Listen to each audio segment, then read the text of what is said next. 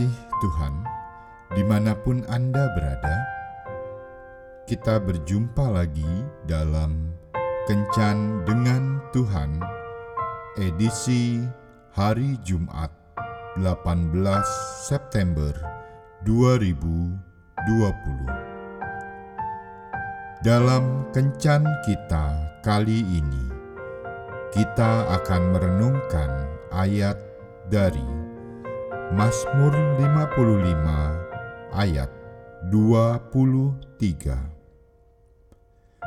Serahkanlah kuatirmu kepada Tuhan, maka ia akan memelihara engkau. Tidak untuk selama-lamanya dibiarkan orang benar itu goyah.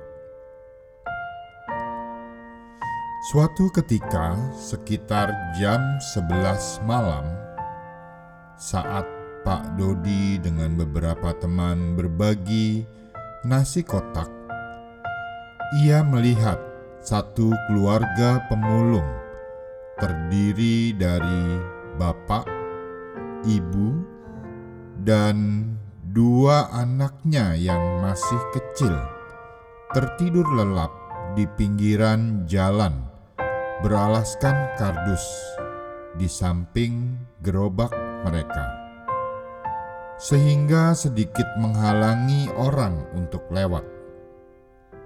Mereka tertidur pulas, seolah-olah tidak ada beban dalam hidup mereka. Kemudian, salah satu murid Pak Dodi membangunkan sang bapak dan memberikan empat nasi kotak. Sang bapak pun kemudian membangunkan keluarganya untuk makan bersama. Ada banyak di antara kita yang diberkati Tuhan dengan tempat tidur empuk, AC yang dingin, dan kamar yang nyaman, justru tidak bisa menikmati tidur yang nyenyak. Banyak alasan yang membuat orang sukar tidur, antara lain karena sakit penyakit, dikejar-kejar hutang, usaha yang bangkrut, perasaan bersalah, kecemasan akan hari esok, takut hartanya dicuri orang was-was akan hasil nilai ujian, takut ketahuan korupsi, patah hati, merencanakan sesuatu yang jahat untuk orang lain, dan sebagainya.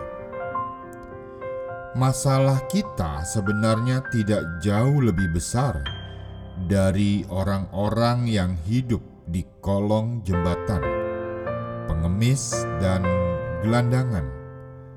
Tetapi ternyata mereka bisa tidur dengan pulasnya dan sangat menikmati tidur mereka. Ini artinya mereka bisa menikmati hidup dan tidur mereka sebagai hadiah dari Tuhan. Walaupun setelah bangun tidur, masalahnya masih tetap sama. Hidup ini adalah hadiah dari Tuhan. Karena hidup ini adalah hadiah Tuhan, maka jalanilah hidup ini dengan baik dan penuh tanggung jawab agar Sang Pemberi hadiah senang dan senantiasa memelihara kita.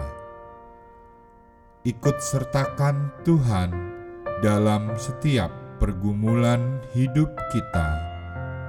Takutlah akan Tuhan dan berharaplah kepadanya sesuai dengan firman-Nya.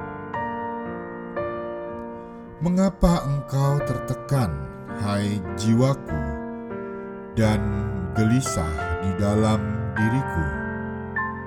Berharaplah kepada Allah, sebab aku akan bersyukur lagi kepadanya, penolongku dan Allahku.